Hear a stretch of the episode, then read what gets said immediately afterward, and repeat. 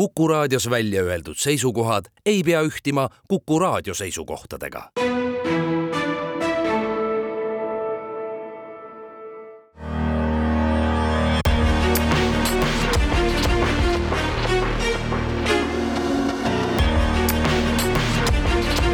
välismääraja tere sel pühapäeva keskhommikul, mina olen Neeme Raud. Kuku maailma teemadel. täna kõigepealt lõppeva nädala suurimast rahvusvahelisest tippkohtumisest San Franciscos toimunud USA presidendi Joe Bideni ja Hiina presidendi Xi kohtumisest. kas kahe riigi vahelistes suhetes ja nende dünaamikas on nüüd midagi muutumas? seejärel hetkeseis Iisraelis ja kolmanda helilõigu salvestasin neljapäeval Helsingis, vestlesin Eesti suursaadiku Sven Sakkoviga just päeval, kui Soome teatas nelja piiripunkti sulgemisest nüüd kõigest järgemööda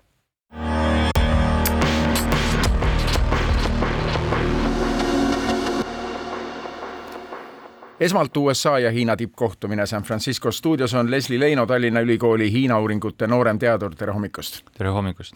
kohtumine oli väga detailselt paika pannud ette ja siis, kui pikk vestlus oli läbi, tuli USA president Joe Biden ajakirjanike ette ja ütles, et Hiina on ikkagi diktaatorrežiim, mille peale Ühendriikide välisminister Anthony Blinken lausa võpatas, sest et no Hiina lootis, et sellist sõnavara ei kasutata.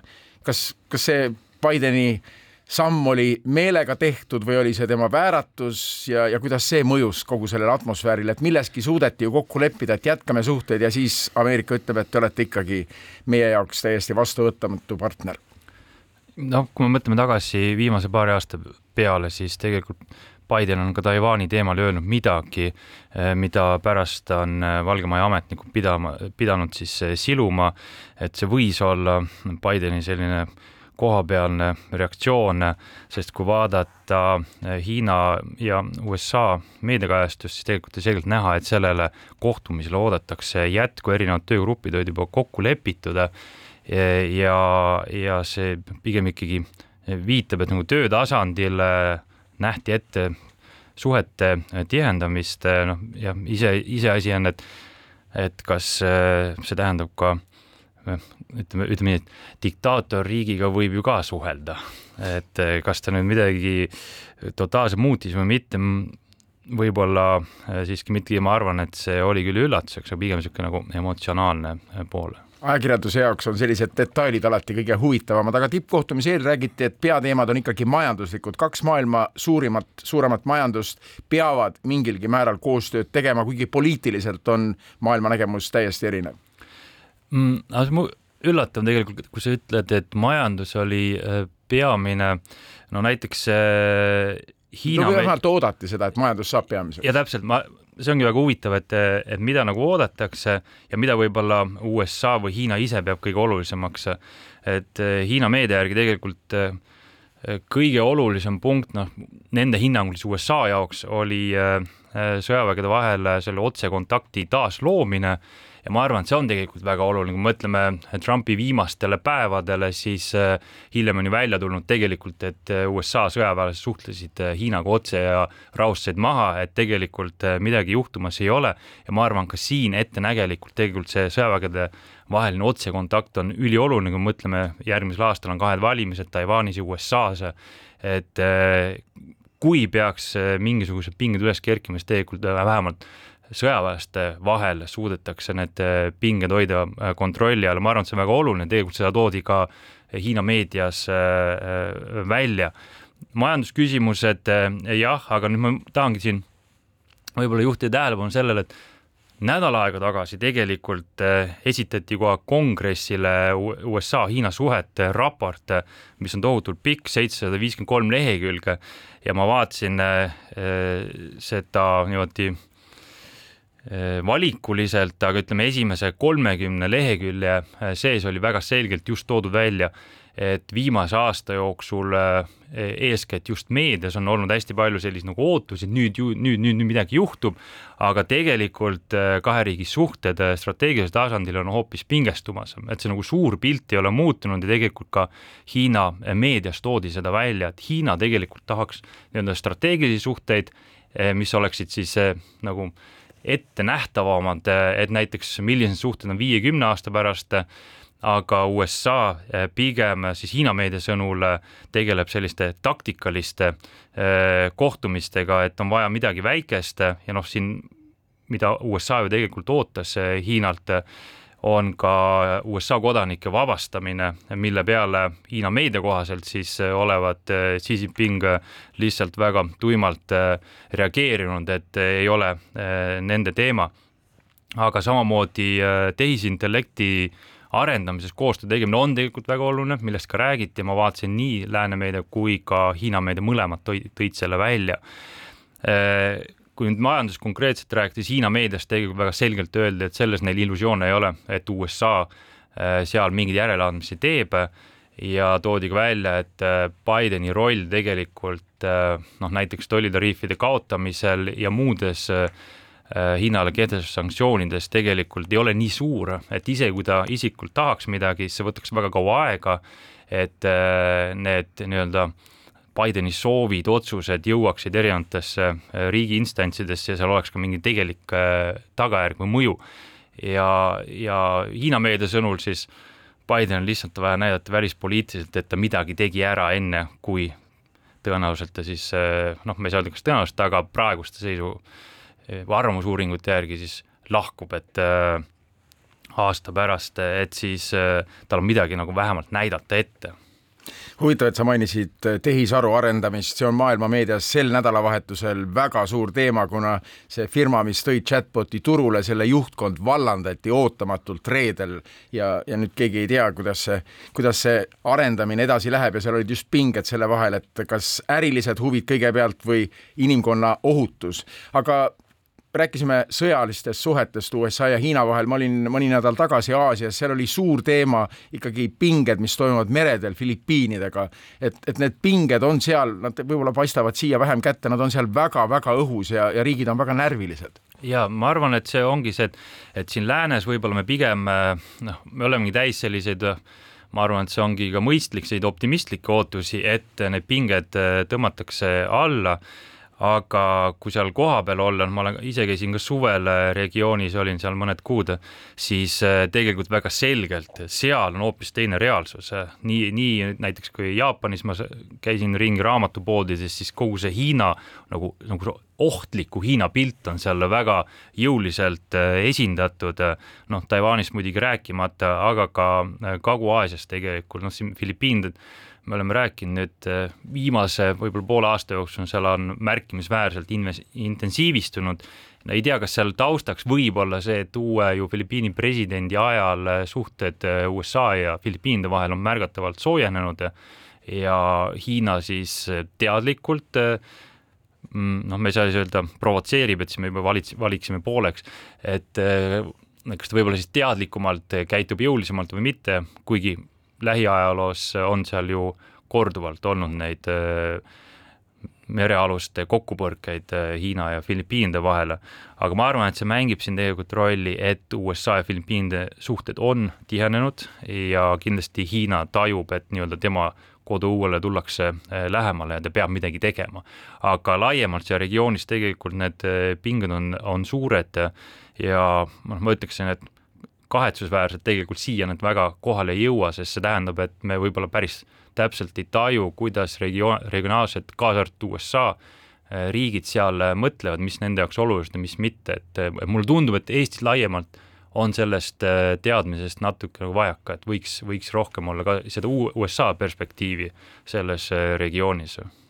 Taiwan'i küsimus, ka see tõusis, siin on väga huvitav, ma just nägin täna hommikul CNN-is pikemat lõiku Taiwanist, äh, Taipeist, kus vesteldi inimestega tänaval, kõik rääkisid, et sõjaõht on õhus, aga ma käisin ise Taiwanil ja seal kohtudes inimestega, nad rääkisid mulle, et taiwanlased ei ole nõus panustama eriti oma, oma äh, armeesse, selles mõttes, et keegi ei taha minna sinna teenima ja nii edasi, et kõik loodavad, et kui midagi juhtub, siis ainuke valik on ikkagi USA, USA peab tulema kohale ja USA tuleb meid päästma. see on väga huvitav, et sa nii räägid, et kas taiwanlased päriselt niimoodi otse eh, ütlesid või, sest tavaliselt nad väldivad eh, selliste eh, seisukohtade võtmist? no ütlesid Taiwanis elavad eestlased, et meediapildi põhjal oli seal, püüti inimesi saada sõjalisi erialasid õppima ja lihtsalt keegi ei tulnud. ahah, see, see on ma arvan, et see on huvitav ja see on tegelikult väga oluline, sest noh, läänes tegelikult väga palju küsitakse, et mis see Taiwan'i kaitsetahe siis tegelikult on.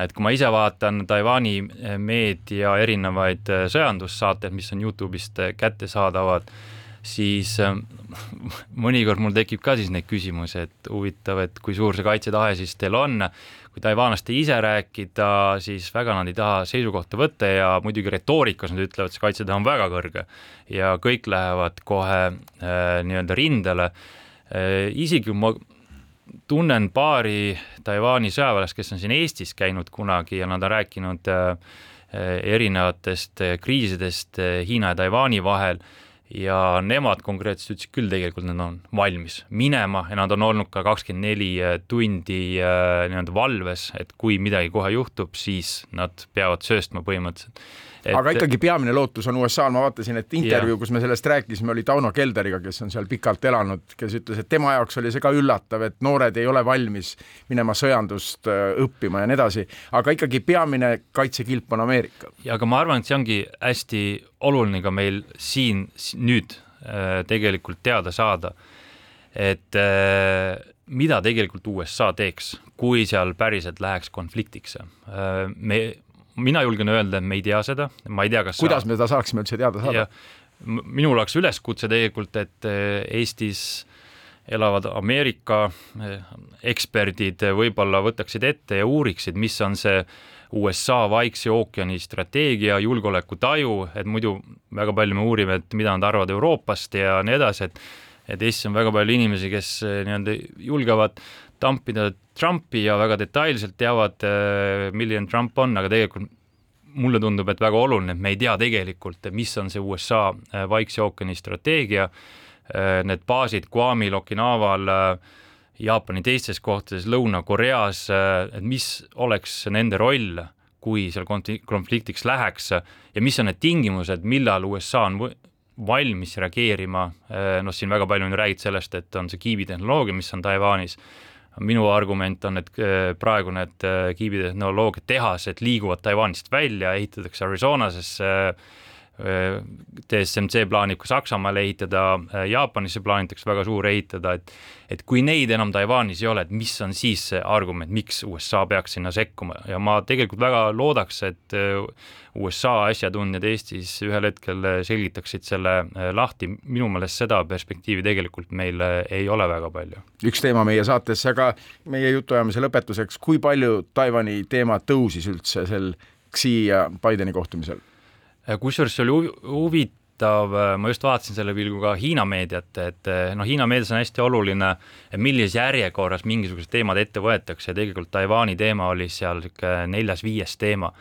Et äh, põhimõtteliselt Hiina lihtsalt äh, tuletas USA-le meelde, et mis äh, on Bideni lubadused olnud siis aasta tagasi toimunud G kakskümmend Bali kohtumisel, et USA ei nii-öelda aita Taiwan'i iseseisvusmeelseid, ei õhuta iseseisvust ja nii edasi, aga väga oluline, mis see tegelikult see raport, mis ma siin tõin välja, et äh, mis siis on äh, kongressile esitatud äh, USA-Hiina suhete raport, seal väga selgelt tegelikult öeldakse, ma ei ole laiemalt lääne meedias sellist sõnastust näinud, aga seal väga selgelt öeldakse, et staatus quo säilitamise kohustus ei äh, ole ainult mitte Hiinal, vaid ka Taiwanile.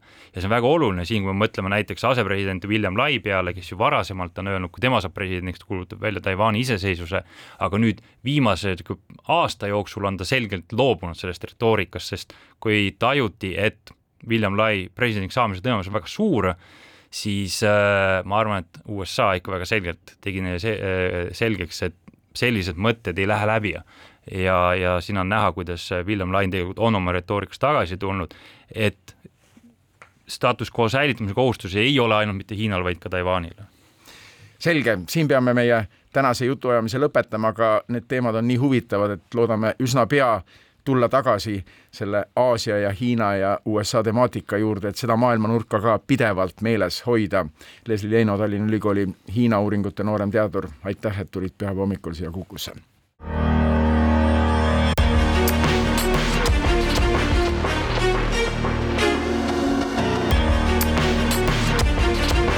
välismääraja edasi Iisraeli. Eesti suursaadiku Veiko Kalaga vestlesin eile ja küsisin kõigepealt, kas Tel Avivis on juba tekkinud mingigi tunne, et sõda võib lõppema hakata või on see mõte alles kauge tulevikumuusika? pigem veel selliselt ei räägita, et loomulikult äh, sõjarutiin on siin tekkinud. Tel Avivis, kus ma ise paiknen, siis raketirünnakuid jääb siin järjest harvemaks. Kui sõja alguses oli paar-kolm korda päevas, siis nüüd paar-kolm korda nädalas. Selge, et ühiskond äh, toimib, aga mitte tavapärasel viisil, sest väga suur hulk inimesi on ikka kas püssi all või siis kodudest lahkuma sunnitud. lisaks äh, mobiliseeritutele on majandusest eemal äh, circa sada viiskümmend tuhat sisepõgenikku, kes on viidud oma kodudest turvalisemasse keskkonda ja pole üldse teada, millal nemad saavad oma kodudesse tagasi pöörduda. ja no muidugi olukord põhjas, et see on tegelikult mõnes mõttes, sõjalises mõttes hullem Iisraeli vaates kui Gaza ümbrikus, et äh, Liibanoni piiril on Hezbollah ikkagi käiku pannud tankitõrjeraketid, tavaraketid, droonid, mürsud. Iisraeli asulad on pideva tule all, et paljud asulad on muidugi evakueeritud, aga noh, vastane tõstab pidevalt panuseid. Iisrael pole muidugi oma punaseid jooni põhjas avalikult defineerinud, et vastasel ei tekiks kiusatust neid ületada või testida. aga kindlasti on see väga pingeline ja Ameerika Ühendriikide kohalolu muidugi on aidanud seni suurema eskalatsiooni ka ära hoida Need on rasked küsimused, millal see kõik lõpeb, vastuseid ei ole ja tegelikult ühiskonna põhifookus on ikkagi praegu sätitud sõja võitmiseni, mis siis tähendab siinses mõttes Hamasi ohu likvideerimisega kaasas. nii et pigem räägitakse ikkagi sellest, et sõda võib laieneda, mitte veel teemal the day after, päev pärast? ma ei ütleks, et ka seda räägitakse, et võiks, võiks laieneda. mulle tundub, et ühiskonna surve sõja Äh, kestvusele ei ole nii, nii suur või ootused nii suured kui pigem pantvangide küsimus, et mis, mis saab nendest. et milline on siin äh, Iisraeli valitsuse strateegia, me teame, et läbirääkimised käivad igasugustel formaatides, võimalikes formaatides. aga, aga siin ei ole ju meil tegelikult veel vastuseid, nii et äh, kui nüüd küsida teie after'i kohta, mis saab pärast, see on tegelikult oluline küsimus, mida ka meie diplomaadid siin omavahel, mitte ainult omavahel, vaid ka Iisraeliga päris palju arutame et lisaks sellistele küsimustele, et kuidas, kuidas taastada Iisraelis julgeolek, kui sajad tuhanded inimesed on sunnitud kodust lahkuma, või siis kuidas taastada usaldus kogukondade vahel, ma mõtlen siis juutide palestiinlaste vahel. üha rohkem küsitakse ka, et mis saab siis pärast, mis saab Gazaga. see debatt järjest muidugi suureneb ja see on, nagu ma ütlesin, üks põhilisi küsimusi ka diplomaatilises kogukonnas, et esimene küsimus siis võib-olla, et mis saab Gazast pärast sõda ja teine, mis ei ole vähem olulisem, Iisraeli lähemad partnerid ja liitlased ja toetajad eeldavad ikkagi, et sõja lõpp võiks kaasa tuua või peaks kaasa tooma sellise tõuke poliitiliseks protsessiks, mis viib jätkusuutliku lahenduseni siis palestiinlastega, taastades siis usalduse, lõpetades vägivallatsükli ja tagades siis majandusliku arengu, palestiinlaste enesemääramise muidugi Iisraeli valitsusliikmetelt kostab üsna erinevaid signaale, mida Iisrael kavatseb Gazaga peale hakata ja me muidugi mõistame, et Iisrael ei ole võinud, jõudnud hetkel seda kõike põhjalikult läbi mõelda. et first things first on ju. Jah, et mingisugust üheselt mõistetavat seisukohta ikkagi Iisraelilt eh, oodatakse. ja peaminister Netanyahu on öelnud, mida ta ei taha, et mida, mida ta ei soovi, et ei soovita, et Gazat valitseks tulevikus siis jõud, kes kes maksaks terroristide peredele toetust ja külvaks haridussüsteemi kaudu viha siis Iisraeli riigi ja juutide vastu. ja no meil on öeldud ka seda, et Gazat ei soovita okupeerida, sealt ei soovita territooriumit hammustada, tükke võtta ja siis asundusi taastada. Aga jah, põhiidee paistab Iisraeli siis olevat, et tagades Gaza julgeoleku, tagatakse siis sellega Iisraeli julgeolek.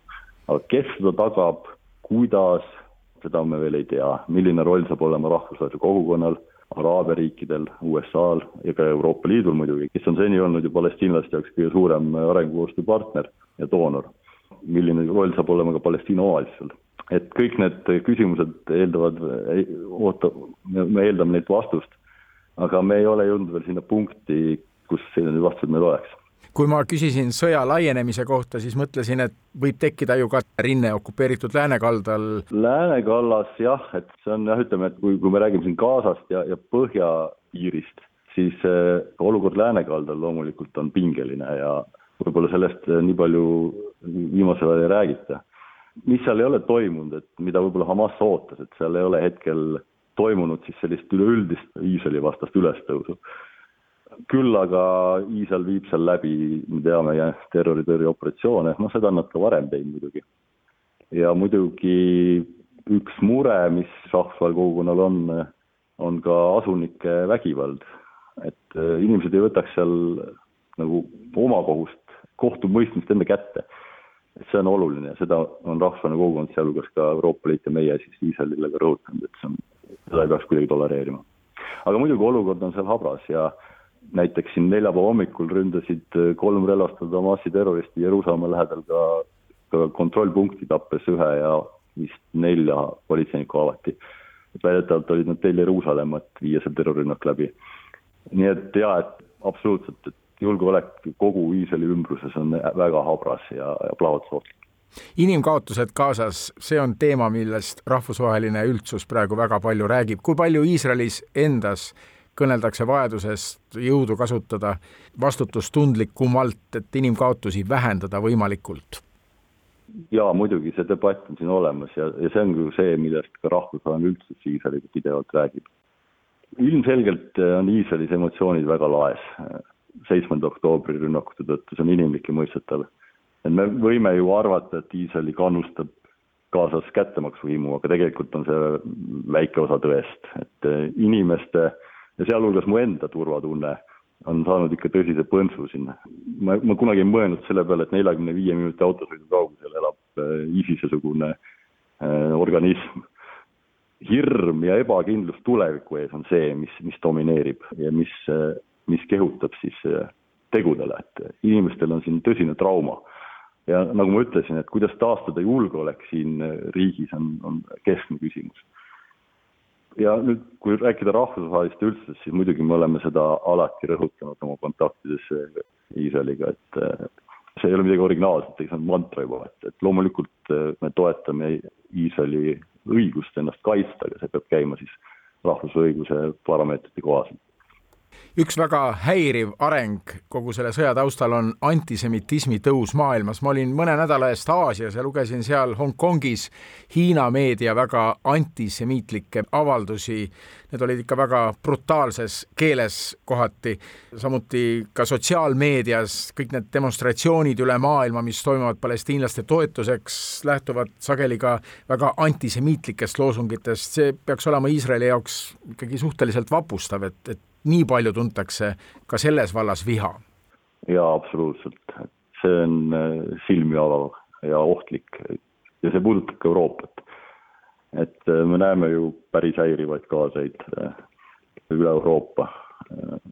mis ma oskan öelda, et mul on, mul on tegelikult isiklikult väga hea meel, et Eestis ikkagi antisemitismi väga palju ei ole ma võin muidugi eksida, aga, aga tundub, et Eestis pole ka sellist avalikku debatti Iisraeli-Palestiina suhetes varem peetud nagu praegu. ütleme, et vabas Eestis siis, et Nõukogude ajal ilmselt vaadeldi välispanoraamis, mis oli Vambole põdra poolt Lähis-Ida rahuprotsessi, läbi rahvusvahelise imperialismi ja külma sõja prisma, aga jah, et eh, eks Ukraina sõjaga me, me oleme ju ise kogenud ka, et, et sõjas pooltoone pole, et kas must või valge aga Lähis-Idas toimuv on, on väga pika ajaloo, väga keerulise kontekstiga. ja igasugune lihtsustamine on libedale teele minek, siin selline mustvalge käsitlus hästi ei sobi. ja noh, libastumise oht on, on, on suur.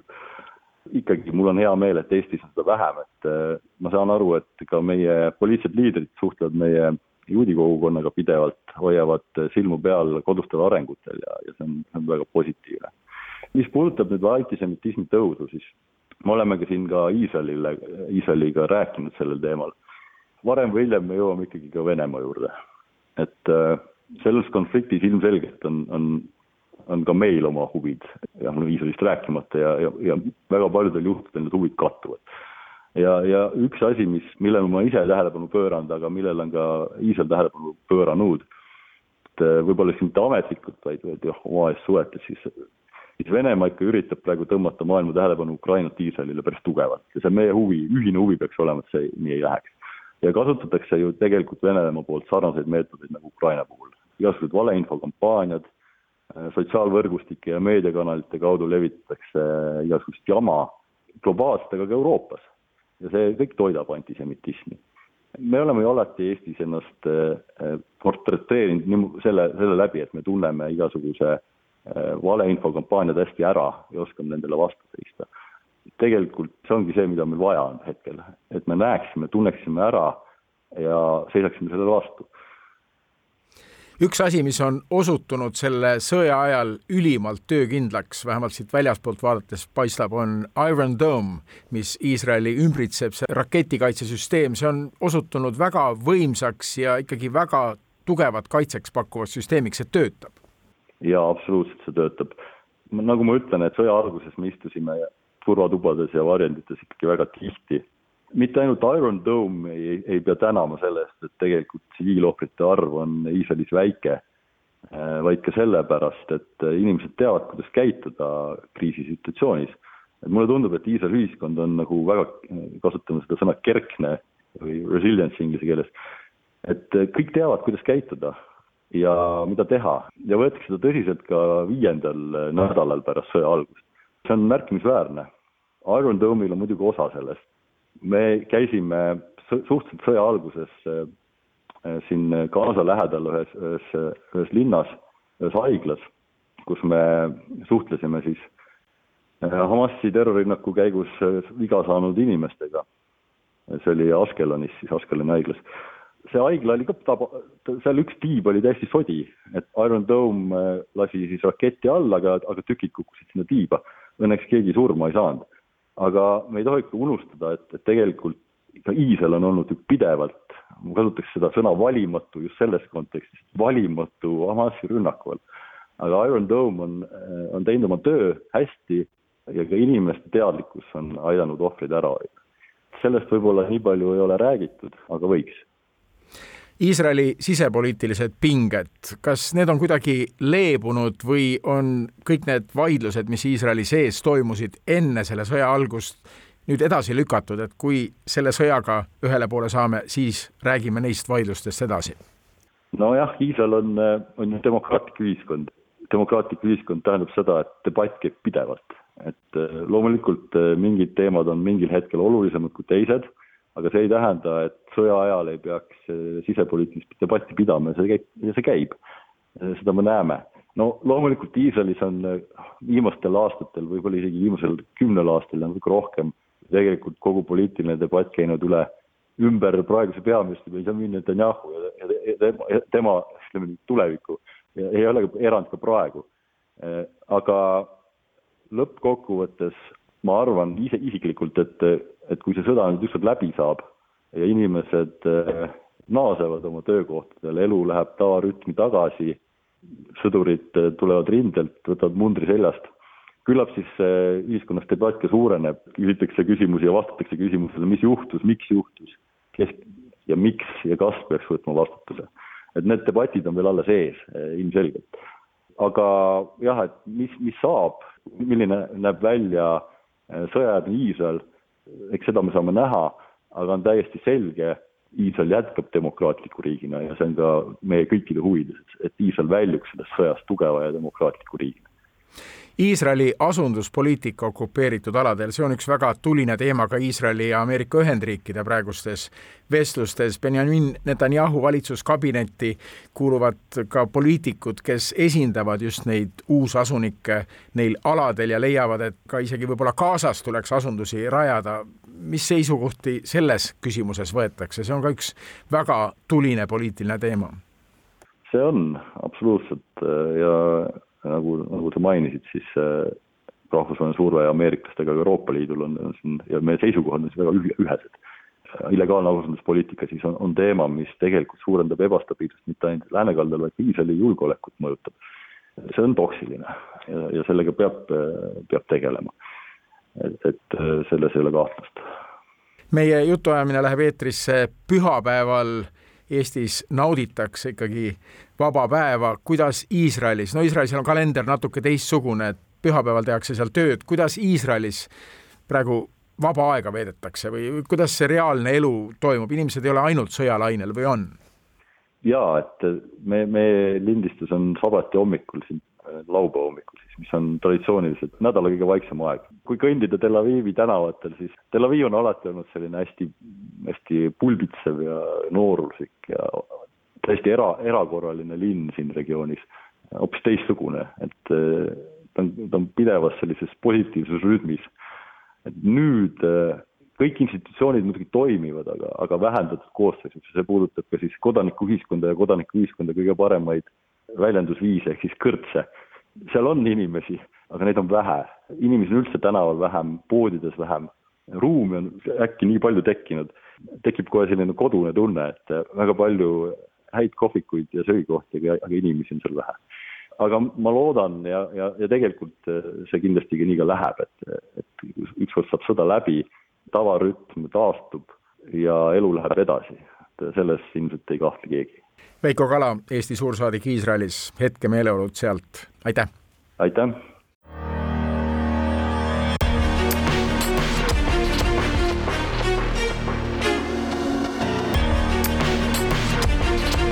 välismääraja meie viimane saatelõik on Soomest. Eesti suursaadiku Sven Sakkoviga kohtusin Helsingis meie saatkonnas tund aega pärast seda, kui Soome teatas nelja piiripunkti sulgemisest Venemaaga. sellest algas ka meie jutt. no mis on Soomes toimunud, viimase nädala jooksul on hakanud eh, tulema siis eh, Vene piiri pealt jalgratastel kolmandate riikide, Iraagi, Somaalia, Jeemeni kodanikke siis varjupaika Eh, taotlema eh, piiri peale. Neid on tulnud siin kuskil minust eh, praeguseks natuke alla kahesaja. meenutab soomlastele seda, mis toimus aastal kaks tuhat viisteist, kaks tuhat kuusteist talvel, kus see kriis oli akuutne ja noh, Euroopa oli üleni siis tollal, eks ole ju, pagulaskriisi kaoses, võiks öelda. Ja, ja siis Soome valitsuse tänasel äh, istungil siis eh, otsustati neli piiriületuspunkti üldse eh, kinni panna ning sellele lisaks eh, siis koondada rahvusvahelise kaitse küsimise menetlemine siis kahte piiriületuspunkti, mis on siis Salla ja Vardius, mis on nagu noh, põhja pool ei ole kõige põhjapoolsemad, Raja ja Osepi on kõige põhjapoolsem. Ja see on noh, märkimisväärne areng, sellepärast et et noh, tavapärastel aegadel on FSB, kelle alla kuulub Vene piirivalve, omalt poolt siis ju kogu aeg kontrollinud ja vaadanud, et need, kes juba piirile jõuaksid, neil oleks ka õigus, eks ole, siis teise riiki minna, noh nagu Soome, eks ole. kui nad nagu seda ei tee, siis on hoopis teine küsimus. küsimus on ka see, eks ole, et selliseid kolmandate riikide kodanikke, kes võib-olla tahaksid Euroopa Liitu saada, on Venemaal kindlasti mõned miljonid ja see on, eks ole, seetõttu väga, väga suur äh, probleemide puundar potentsiaalselt. Soome nüüd, kui ta poolteist aastat tagasi otsustas NATO-sse astuda, siis nad olid väga äh, noh, mures just nimelt, et ega Venemaa nüüd midagi noh, vot sarnast ette ei võta. Nüüd praegu tundub, et on midagi otsustatud teha, mis edasi saab, seda me praegu ei tea praegu need pagulased kõik eh, ka või pagulase nagu staatuse taotlejad tulnud eh, ametlikesse piiripunktidesse, ehk et ei ole tuldud üle karjamaade ja kraavide. mõneti meenutab see Valgevene, Poola ja Leedu piiril toimunut? selle vahega, et seal eh, prooviti tulla, kust noh, sai üle nii-öelda rohelise piiri, Soomes nii viisteist, kuusteist kui ka praegu on tuldud ikkagi siis nii-öelda ametlikku asfaltteed pidi siis piiripunkti. Vaatame Soome sisepoliitikat ka, presidendivalimised ilmselt kõige põletavam teema. on äh, väga põnev äh,, väga põnev teema, kahekümne kaheksandal jaanuaril on, on valimised, hetkel on kaks tugevat favoriiti, on endine peaminister ja endine välisminister ja Aleksander Stubb Kogomuse konservatiivse erakonna kandidaadina. Ja siis tema kõrval kõige tugevam kandidaat praegu arvamusküsitluste järgi on, on Pekka Haavisto, eelmise valitsuse eh, välisminister, eh, Roheliste Erakonna liige, samas, kes eh, kandideerib siis valijate ühenduse kandidaadina, siis mitte nii-öelda partei kandidaadina ja noh, teise, teised kritiseerivad teda sellepärast, et see ei ole nagu päris et kõik ju teavad, et ta roheliste kandidaat. aga nemad on nagu teistest kõvasti praegu ette rebinud. sel nädalal tulid uued põhjalikumad arvamusküsitlused üle avaldas, kus nüüd esimest korda on Stubb teises voorus ees, kuigi esimeses voorus on, on Haavisto toetus natukene suurem, aga noh, see põhjus on ka see, et poliitilise spektri paremal poolel on kandidaate rohkem praegu nii-öelda siis presidendi rallis. Ja vasakul pool on tegelikult ainult Haavisto ja siis ähm, Vasakliidu juht ähm, Anderson, sest ähm, sotsiaaldemokraatide perspektiivne kandidaat, kes ei ole veel tegelikult ametlikult teatanud seda, aga eeldatakse, ta seda nüüd novembrikuu jooksul teeb, komisjonär Jutta Urpilainen või siis volinik, tema ei ole veel üldse noh, stardijoonele asunudki. kuidas Soomes presidendivalimiste eel kampaania käib, on see nii nagu Ameerikas näeme selline häälekas, kõlav üleriiklik kampaania. siin on otsevalimised, esimene voor kakskümmend kaheksa jaanuar, teine voor üheteistkümnes veebruar, kaks nädalat hiljem. esimene märts on siis see aeg, kui uus president on ametis, noh, me eeldame, et on vaja kahte vooru kindlasti. Nii et see on teistsugune kui Eestis see kampaania. Soomes on ka presidendi volitused ja võim palju suurem, ta juhib põhiseaduse järgi välispoliitikat, näiteks koma koostöös valitsusega.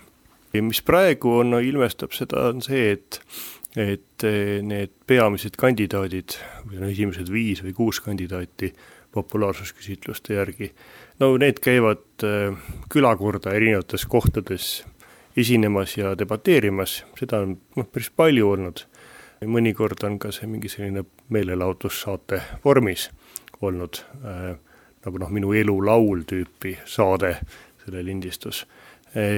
ja, ja no ütleme, ta on ikkagi, eeter on täis seda, mida nad mingitel teemadel arvavad, on järjekordne mingi, mingis äh, Soome linnas on debatt toimunud, et see on nagu tegelikult väga, väga, väga põnev jälgida kogu aeg. Soome uus valitsus ametisse tuldi lubadustega vaadata riigieelarve üle, leida kärpekohti. Samad teemad meil ka Eestis, otsitakse kärpekohti, kuidas Soomes sellega hakkama on saadud? nii-öelda lõplik, lõplik eelarve veel e, e, valmis ei ole, e, aga noh, suured raejooned on paigas, kärpeid tuleb, mitte päris sellises ulatuses, nagu võib-olla osad, vähemalt kogemuse liikmed, kes on siis, eks ole, peaministri erakond, seda oleksid soovinud.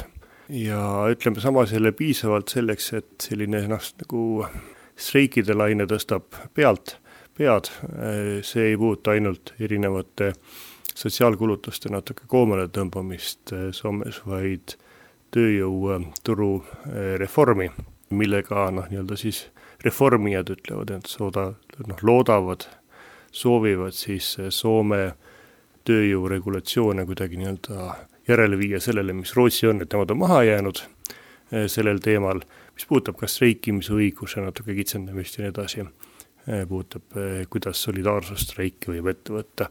aga noh, seda me veel näeme, on noh, võib ennustada, et siin neid streike veel tuleb lähimate kuude jooksul üks valdkond, kus kärpeid ei saa teha, on kaitsekulutused ja nüüd on Soome juba seitse kuud NATO liige ja lugesin siin enne meie intervjuud sel teemal ilmunud arvamusi rahvusvahelises meedias ja üks mõte jäi silma, et Soomes on avastatud, et NATO-sse kuulumine on üsna kallis. selleks tuleb teha kulutusi, et ei ole nii, et automaatselt ollakse USA kaitsevarju all ja, ja kuulutakse allianssi. NATO-sse kuulumisel on oma hind, kõrge hind. Soomele seda kindlasti ette heita ei saa, et nad oleksid äh, kaitseküsimustes äh, vähe nagu tähelepanu äh, pööranud. Ikkagi üks riik, kes läbivalt ka kogu selle külma sõja järgse aja ikkagi kaitsesse investeeris, teevad seda edasi ja nad on ka väga teadlikud sellest, et Soome liitumisega NATO ja Vene piiri pikkus kahekordistus, Vene-Soome piir on tuhat kolmsada nelikümmend kilomeetrit, ikkagi suur osa sellest, mis Soome NATO liikmena teha soovib, on just ikkagi see, et iseenda kaitsmine eelkõige ja tegelikult investeering sellesse, et selleks nad oleks suutelised seda tegema. NATO-s on see kuldne piir kaks protsenti riigi siseriiklikust kogutoodangust kaitsekulutusteks, kas Soomes on juba see piir ületatud või oli ka juba enne see ületatud? Enne ei olnud, tähendab sellest aastast on. Ja tegelikult põhjus ei ole mitte NATO-ga liitumine, vaid põhjus on veel eelmise valitsuse ajal otsustatud siis Ameerika uute, noh, kõige uuemate hävitajate F kolmkümmend viis ostmine ja siis tänu sellele hävitajate hankeprogrammile on järgnevatel aastatel, on kaitsekulutused kenasti üle kahe protsendi, viimase kümne aasta jooksul kuni selle aastani olid nad seal kuskil ühe koma viie, ühe koma nelja protsendi peal. noh, võrdlusena, eks ole, Eestis on viimased kümme aastat kogu aeg olnud kahe protsendi peal, natuke üle ja eks ole, praegu oleme kolme protsendi peale eh, jõudnud.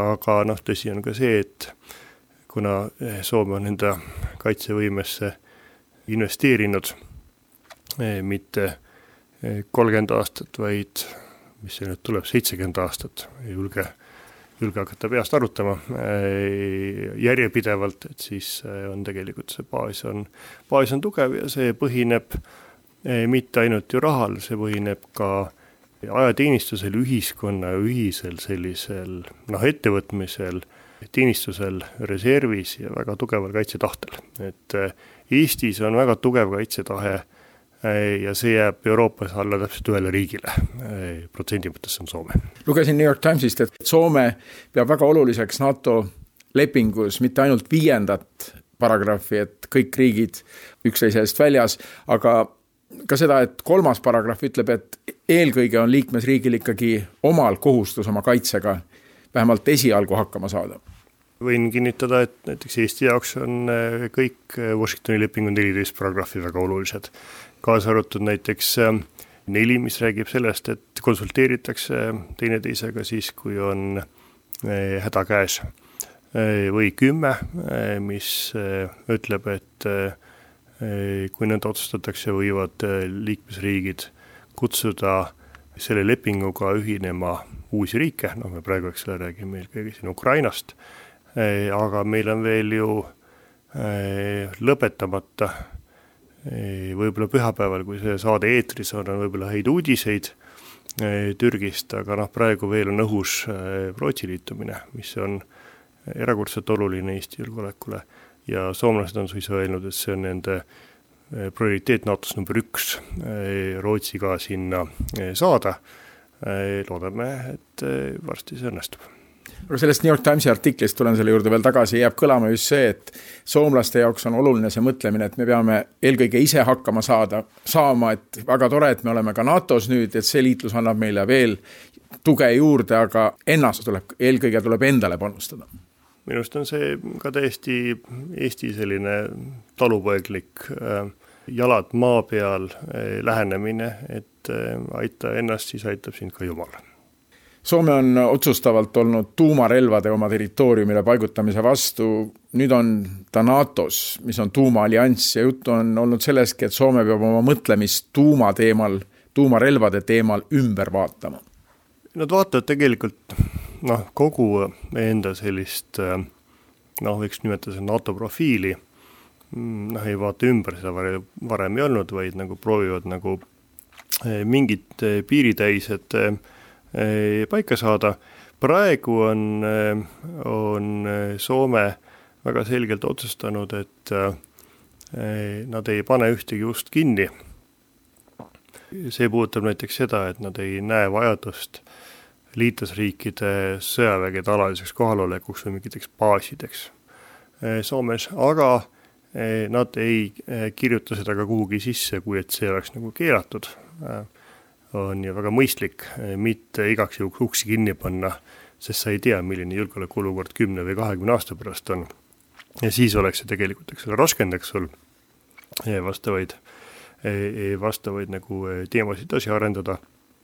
ja, ja noh, tuumaküsimus on, on, on, on teine selline, selline, selline asi, sest noh, ütleme siin võime ühelt poolt vaadata seda, et Norral näiteks on oli Norra, kes on ju äh, NATO asutajaliige, liige aastast tuhat üheksasada nelikümmend üheksa, on samas mõned piirangud, äh, nende enda seatud piirangud siis äh, NATO liikmelisusele, mis tähendas seda, et, et, et siis tuumarelvi oma territooriumile ei lastud, ei lasta ja siis alalisi noh, liitlaste paiknemisi rahuajal nende territooriumil ka ei olnud ja oli teatud nii-öelda piirangud, mis oli seatud siis liitlasvägede õppustele seal päris põhjaregioonides.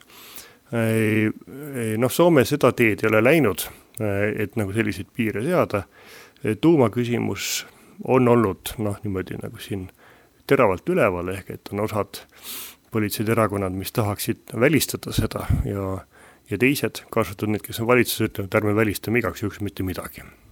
selline on see seis üha tulisemaks geopoliitiliseks tandriks on saanud Arktika ja Soome on seal kohal. Soome kaitseplaanides mõeldakse ka Arktikale, kus on ju tekkinud uued äh, Venemaa, Hiina huvid ja, ja ohud. Soomes on no ütleme, kaks, no ütleme, võiks öelda sellist nagu äh, geopoliitilist suunda, millega nad peavad ju tegelema, et üks ongi päris põhi ja, ja teine on siis äh, äh, Soome laht, Lõuna-Soome. Ja tegelikult see osa, kus enamus soomlasi elab ja kus on enamus majandusest, kus on enamus kaubasadamaid, kus on enamus kaubateid, kus on enamus erinevaid ühendusliine välismaailmaga, noh nagu näiteks kaablid ja torud, millest on, eks ole, viimasel ajal palju, palju juttu olnud Need on päris eh, mitmeid asju, nad on, proovivad põhjas teha eh, siis kolmepoolses koostöös Norra ja Rootsiga. Põhjamaadel on eh, selline väga arenenud õhuvägede koostöö, seda on isegi ajakirjanduses nimetatuks, nimetatud ühiseks või integreeritud õhuväeks, mis on natuke noh, liiga palju öeldud aga, aga väga märkimisväärne on see koostööraamistik ja mida nad suudavad või nad soovivad teha tulevikus äh, õhuvägede vahel, isegi seda sellises situatsioonis, kus äh, noh, Islandil, eks ole, sõjaväge üldse ei ole, äh, neljal Põhjala riigil, siis kolmel saavad olema paari aasta pärast F-kolmekümne viied ja siis ainult Rootsil on teistsugused lennukid. aga see noh, meid ka ei peata ega äh, ja, ja, ja, ja ütleme, see Soome sellised noh, geopoliitiliselt mõtlevad inimesed, nemad räägivad sellest, et nende selline noh, tähelepanuala ulatubki eh, ju siis põhjast, Arktikast või noh, siis kaugpõhjast üle kogu Põhjala, üle kogu Läänemere, siis kuni Läänemere lõunaküljeni ja, ja Balti riikideni välja, et see on kõik selline üks suur äh, piirkond, mille julgeolekuga äh, peavad nad tegelema ja mille julgeolekusse siis Soome peab ka panustama. Sven Sakkov, Eesti suursaadik Soomes. välismääraja on tänaseks kuulatud, mina olen Neeme Raud, rahulikku pühapäeva!